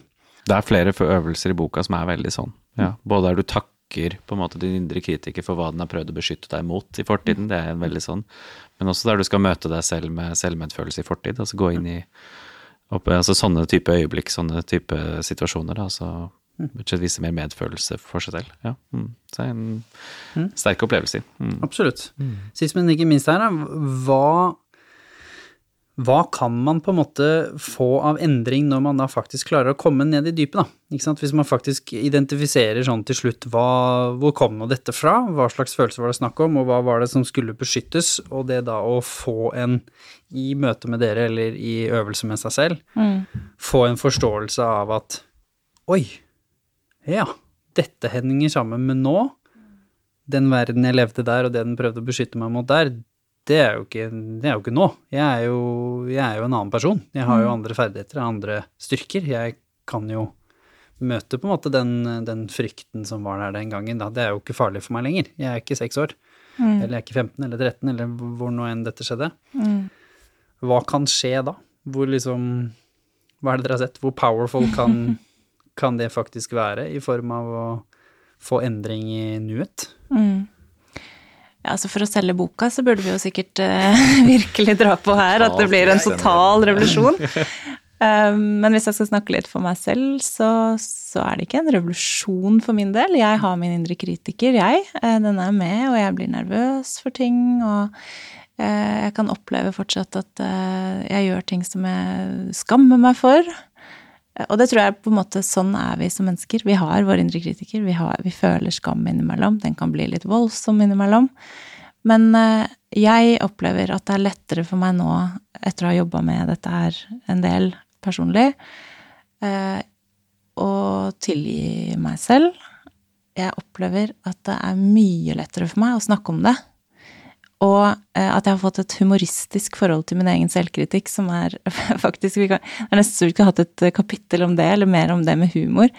Aksel og jeg kjenner hverandre veldig godt. Vi tuller veldig mye med vår indre selvkritikk. Han vet at jeg er redd for å være kjedelig, så vi kan jo tulle med det. At han kan si noe om at jeg er veldig kjedelig, og jeg, altså, ikke sant. At det blir sånn uh, mer ufarliggjort. Ja, jeg skulle til å si det. Det er jo, nå tuller vi litt med det, men det er også en viktig ting, sant, som vi snakket om i stad, å stå så trygt i seg selv at man kan gå ut av seg selv og for eksempel ha selvironi Ja. uten at du går hjem og gråter etterpå. ja, det er så befriende. Å dele med andre er jo den kraftigste veien. Ja. Det er, det er eh, beste medisinen Ja. mot skam. Ja. Få trollet ut i lyset og Det er bort stein og knuser. Tittelen på det ene kapittelet, akkurat det du sa nå. Når, Når trollet sprekker. når trollet sprekker, ja. Er Ja. nesten, ja. ja. Ja, og, det, og jeg er sikker på at etter dette så kommer Aksel og jeg til å kanskje snakke og åh, var det litt mye det jeg sa der, eller ja, da, så kan vi snakke om det, og så kan vi gå herfra og liksom ha turt å gjøre noe som var skummelt. Jeg kommer til å kritisere meg selv for å ha vært for ivrig. Og du kommer ikke til å selge deg selv for Nei, jeg er kjempefornøyd med meg selv, jeg. Ja, det er bra. Det er bare meg. Men hvor viktig er det perspektivet, da? Fordi det var kanskje det mest kraftfulle endringen for meg. Ikke sant? Vi snakker om aha-opplevelser. Aha-opplevelser kommer jo gjerne fra en eller annen form for innsikt, kunnskap eller kobling som man ikke hadde. Og det får man jo gjerne i møte med andre. Det er sjelden du tryller det ut uh, hos deg selv, sånn at du ikke har Aristoteles. Men når man da kanskje får den, da, Ja. den aha-opplevelsen hos dere, sånn at når, forskjellen fra at når jeg gikk inn i å begynne å jobbe med dette, til at jeg har gått ut, er at nå er jeg i hvert fall klar over hva som skjer. Absolutt. Jeg kjenner det litt igjen når det skjer i nåtid, og jeg har en bitte liten forståelse for hva det henger sammen med. Og forhåpentligvis noen tanker om hva jeg skal gjøre med saken. Hvor viktig er liksom det perspektivet i å ha det bedre i nåtid? Ja, altså, det er viktig, ikke sant. Altså, dette er ting vi egentlig ikke skriver om i boka, da, men som, vi, som er hele grunnpremisset i måten vi jobber på. At det er ikke bare innsikten som er viktig. Altså, det som er viktig, det vi på en måte ser at det å gå inn i en vanskelig, en vond følelse, så kan man endre den følelsen med andre følelser hvis man opplever det samtidig. Det er egentlig hele endringsprosessen i den terapiformen som vi driver med. Så det vil si at idet du kjenner, i det du får kontakt med den skammen eller den vonde opplevelsen, og så føler selvmedfølelse for deg selv samtidig i den smerten, så, så gjør ikke det bare at du lindrer der og da, men det endrer faktisk den gamle emosjonelle opplevelsen noe. Altså Som minnet blir annerledes. Torbjørn, nei, Torstein kan tilgi seg selv. Han kan tilgi seg selv, og da er det sånn at neste gang han da opplever noe som gjør så vondt som en gang, så gjør det litt mindre vondt. Eh, Og den andre mekanismen som vi egentlig ikke har snakket om ennå, men som er vel så viktig, er faktisk det er ikke selvmedfølelsen, det er faktisk sinne. Sinne er en sånn veldig sånn helbredende følelse. da, altså Det å f.eks. kunne kjenne hvor ydmyket og Du hadde vært ydmyket og kritisert av noen, og så kunne kjenne sinne mot de som gjorde det mot deg. Det har vi sett at den endrer veldig mye på skam. Så det så det er jo Seinere i boka så jobber vi mer med ikke bare vise selvmedfølelse, ikke bare kjenne omsorg for seg selv, men faktisk også kunne stå litt opp mot din indre kritiker på en sunn måte. Og måte si liksom det du snakket om i stad, som var liksom at jeg ser at du har prøvd å beskytte meg, men akkurat nå, det her er ikke greit. Altså, jeg godtar ikke at du behandler meg sånn lenger. Det stemmer ikke det du sier. Ikke? Nå må du slutte. Jeg fortjener mer bekreftelse og aksept og respekt enn dette. Så, altså, Og de gode ordene betyr ingenting hvis ikke man kjenner den følelsen du skulle til å beskrive nå. Man, det, Det er, ikke bare lett, ord. det er ikke bare en diskusjon. Med det Ja. å føle at dette har jeg rett til. Ikke sant? Føle Mm. et, en sånn grunn, en grunnleggende opplevelse av at jeg har rett til å bli behandlet med respekt. Da. Som de fleste av oss har iboende et eller annet. Ja, den er kommer ofte når vi kommer til den vonde følelsen. Når vi kommer til den vonde følelsen, og så er der, og så virkelig kjenner hva vi trenger, så er det nesten så det sinnet kan komme ganske sånn automatisk. Yes, da kommer den fighting spiriten. Jeg er helt enig. Og det Men den kommer ikke hvis vi er på toppen, på en måte. Nei, og det å da kanalisere den på en god måte, for den kan Yes. jo lett nå skli inn i noen form for eh, voldsutøvelse eller Mm. frustrasjonsutbrudd eller liksom andre elementer, eller hardere inn i rus og andre ting også. Ja, det er, det er to litt sånn forskjellige former for sinne, det der, men det, det er litt sånn teknisk. Men altså, hvis man ikke anerkjenner smerten sin, da kan man fort typisk til det sinnet. Så det blir sånn, det som vi kaller for sekundært sint. Da, sant, bare er sånn, du er bare sint fordi du har det vondt, og så er. retter man det ut mot folk hele tiden. ikke sant? Mens den andre er på en måte fra et sted av smerte og kjenne at hva er det jeg trenger, og hva er det jeg har rett til, og hva er det, ikke sant? og så kreve sin rett fra det vonde stedet. da. Det ser vi at det er veldig, veldig kraftfulle endringer. Eh, Og det er noe vi jobber med i terapi, som er vanskeligere å oppnå gjennom en bok, men vi, vi prøver nå, da, og i hvert fall gi noen øvelser en, eh, og, og, og en vei til det. eh, Absolutt. Og noe av den veien går jo igjen gjennom det lille barnet. Mm. Det er lettere å kjenne sinne på vegne av det barnet. Mm. Um, eller stå opp for mobberne, for eksempel, eller den forelderen som ikke kunne bedre, men som ikke gjorde en spesielt god jobb. Å kunne på en måte stå opp for det barnet er lettere enn å stå opp for oss selv ofte i nåtid, da som voksen. Vi skal i dybden på dette her temaet en annen gang, men det korte svaret, hvordan skal man klare å være ærlig med seg selv med traume fra fortiden når det du sa nå kommer inn? Ikke sant? Når det er litt sånn ja, men det er jo mamma, jeg er jo glad i mamma, de gjorde sitt beste, ja, men det skjedde jo bare én gang, ikke sant? Vi er veldig sånn hvordan skal man klare å tørre å treffe helt ned i det vonde for å finne den sinna og si nei, det var ikke riktig, selv om jeg forstår hvorfor det skjedde, på en måte. Hvordan, Ja. hvordan skal man klare den øvelsen der når det er veldig sårt og kanskje gjerne personlig, da? Det er mange som kjenner veldig mye skyld, ikke sant. Altså det kan, man kan ha skyldfølelse eller sånn veldig sånn forståelse. Vi blir veldig oppfordret til å ha empati for andre. ikke sant? For eksempel se at mobberne våre hadde det jo også vanskelig. ikke sant? Liksom sånn som du snakket om tidligere i dag også. ikke sant? Eh, Så er det på en måte å huske at dine følelser er jo ikke Det er ikke noe fasit på hva som er riktig å føle. på en måte? Det er ikke, det er ikke en objektiv gjenspeiling av virkeligheten. sånn at hvis de har det vondt, så har ikke du rett til å ha det vondt for det. på en måte? For følelser er jo ikke objektive gjenspeilinger, de er subjektive opplevelser som handler om dine emosjonelle behov. Så helt irrelevant hva intensjonen er. Hvis det har gjort vondt for deg, så er det fortsatt en reell følelsesmessig opplevelse. ikke sant? Så uansett hvor godt det var, så kan man si at det betyr ikke at man skal kaste på sjøen alle gode intensjoner og all forståelse, men sånn som Sigrid også snakket om tidligere, at ofte når vi har jobbet da med å kjenne at det var ikke greit for meg, eller det var ikke godt for meg, så kommer ofte den nyanseringen etterpå, men på en mer sånn forankret måte. mer sånn der, ja, Og så se at det ikke var så lett for dem heller, og det er greit. Da er vi nærmere en tilgivelse. Nettopp. Det er akkurat det. At man må liksom innom sitt eget følelsesmessige behov allikevel. Hvis den empatiseringen med det andre, eller hva som blir gjort, eller hva som ble prøvd gjort, kommer før, så kan det nesten stå i veien som en liten sånn blokk for å gå inn i det som er vondt, da. Ja, for det var det jeg sikta litt til. At jeg tror det er mange som opplever det. At de går ikke helt ned i det, fordi de, den blokken er så sterk at de har ikke Mm. lyst til å endre synet av noen som er død, kanskje, eller Ja, ja, liksom pirke borti ting, gammel moro. Da blir det lettere å si at ja, men Mm. Det lageret der, det går vi ikke ned i. Mm. Det kan også hjelpe å skille, hvis, hvis det retter, retter seg mot en annen person, da, eller en opplevelse, eller noe, så kan det også hjelpe å skille litt. La oss si da at det f.eks. er med en forelder, da, å skille mellom liksom den- gode, den gode, de gode opplevelsene, den gode forelderen du har, men den lille delen som var kjip. sant? Altså skille det litt fra hverandre, og så bare jobbe med én del av gangen. Det er også en mulighet. Mm. Spennende. Og det å skrive bok, det lærer man ganske mye av. Så helt sånn til slutt. Hva var det dere, hver for dere, hva var det du lærte av hele den prosessen her som du på en måte ikke så komme? Altså en ting er liksom du lærte hvordan det er å skrive bok, på en måte, men hva var det en sånn lærdom hvor du fikk den litt underveis og bare oi, det har jeg ikke tenkt på. Hmm, godt spørsmål. For det første så var det jo litt artig hvor selvkritisk jeg ble. og der er det jo veldig godt å samarbeide med Aksel, for han har litt mindre av den selvkritikken. Så, så jeg satt jo og titta på teksten vår og bare ah, Aksel, det her er ikke Jeg er selvkritisk på andre ting. Det. Ja da, men eh, på dette Du var jo gjerne sånn 'Jeg skrev et kapittel i kveld, og det ble dritbra!' og jeg var liksom den, eh, den eh, mer kritiske. Eh, og det som er litt gøy med det, er jo å merke hvor overbevisende kritikeren er, da. Eh, for at du får jo veldig sånn 'Ja ja, men, men dette er jo reelt. Dette er reelt. Det er ikke bra nok'. Eh, og, og virkelig sånn føle hvor viktig den er.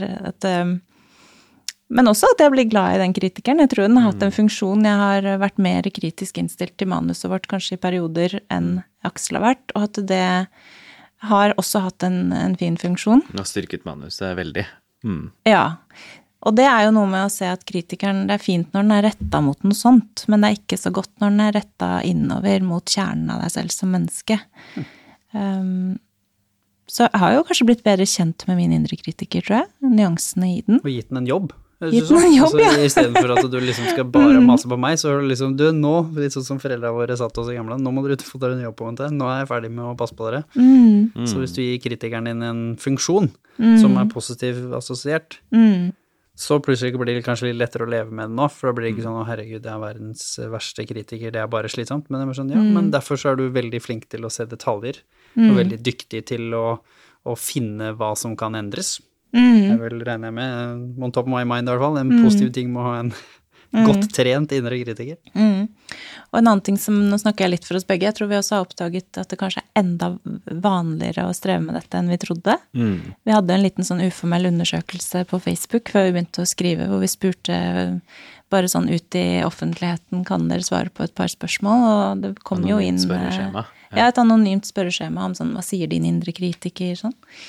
Det kom inn flere hundre svar på et par dager, og det, når vi snakker med folk også, så er det sånn åh, den, den må jeg lese.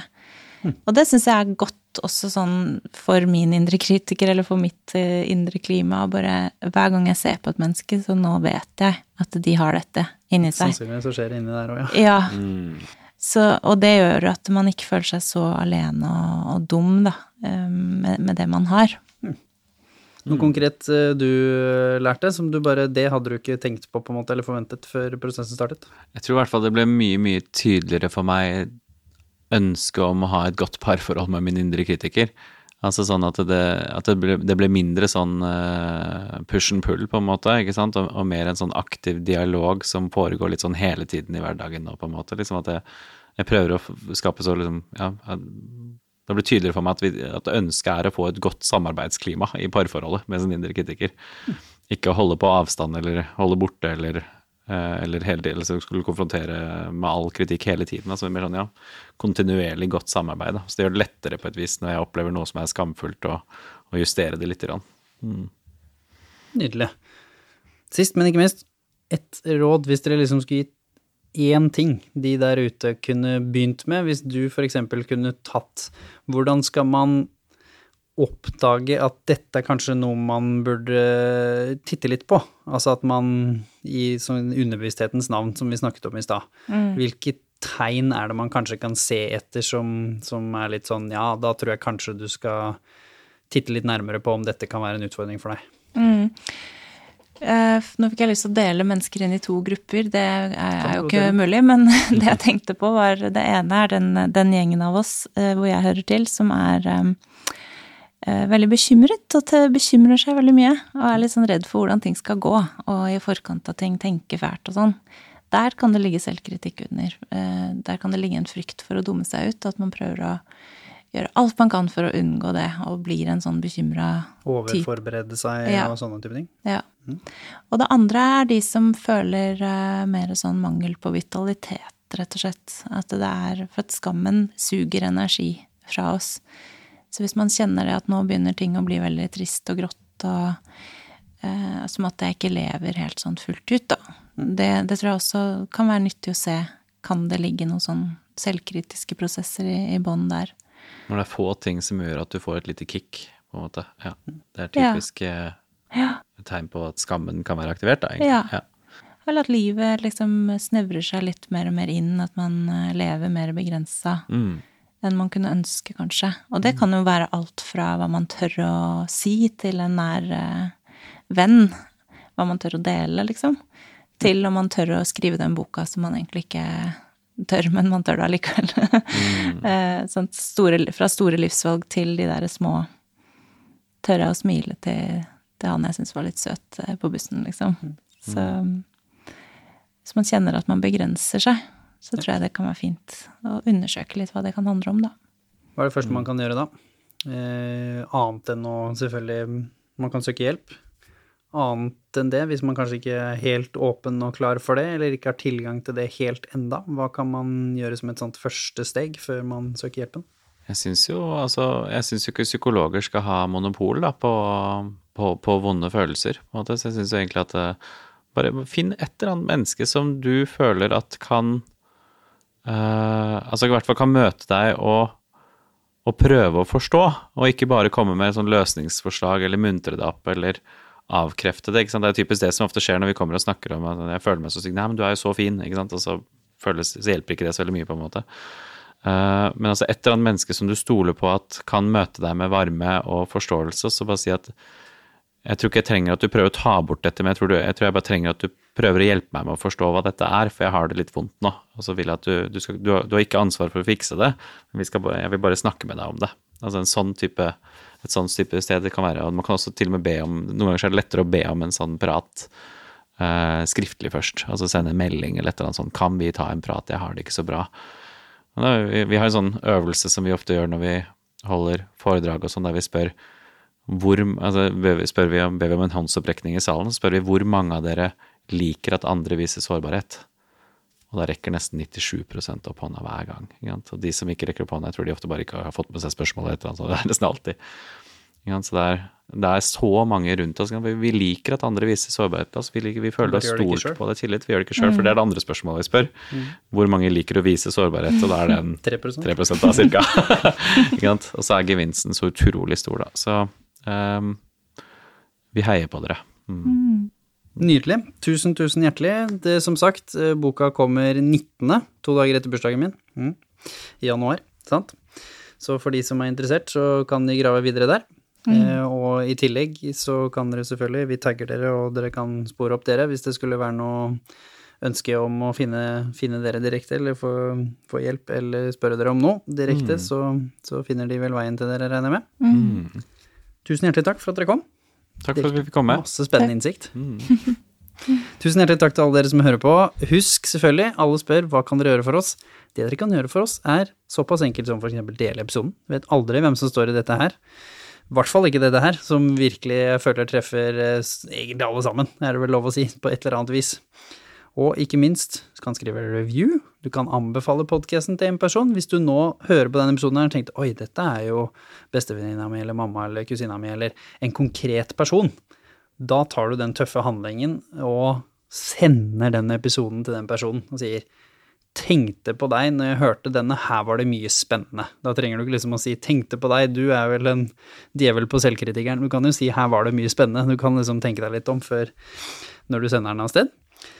Og selvfølgelig være med å engasjere deg. Skriv noen tanker, refleksjoner. Alt dette er med å positivt eh, trigge algoritmene, som det heter flott, i sosiale medier. Så det gjør jo at flere mennesker blir eksponert for denne flotte episoden. Tusen hjertelig takk, og bli litt kjent med selvkritikeren din. Og lær litt fra denne episoden her, og ta gjerne og prat med det du hørte om denne episoden med minst én annen person. Da tror jeg du har starta ganske godt. Tusen takk.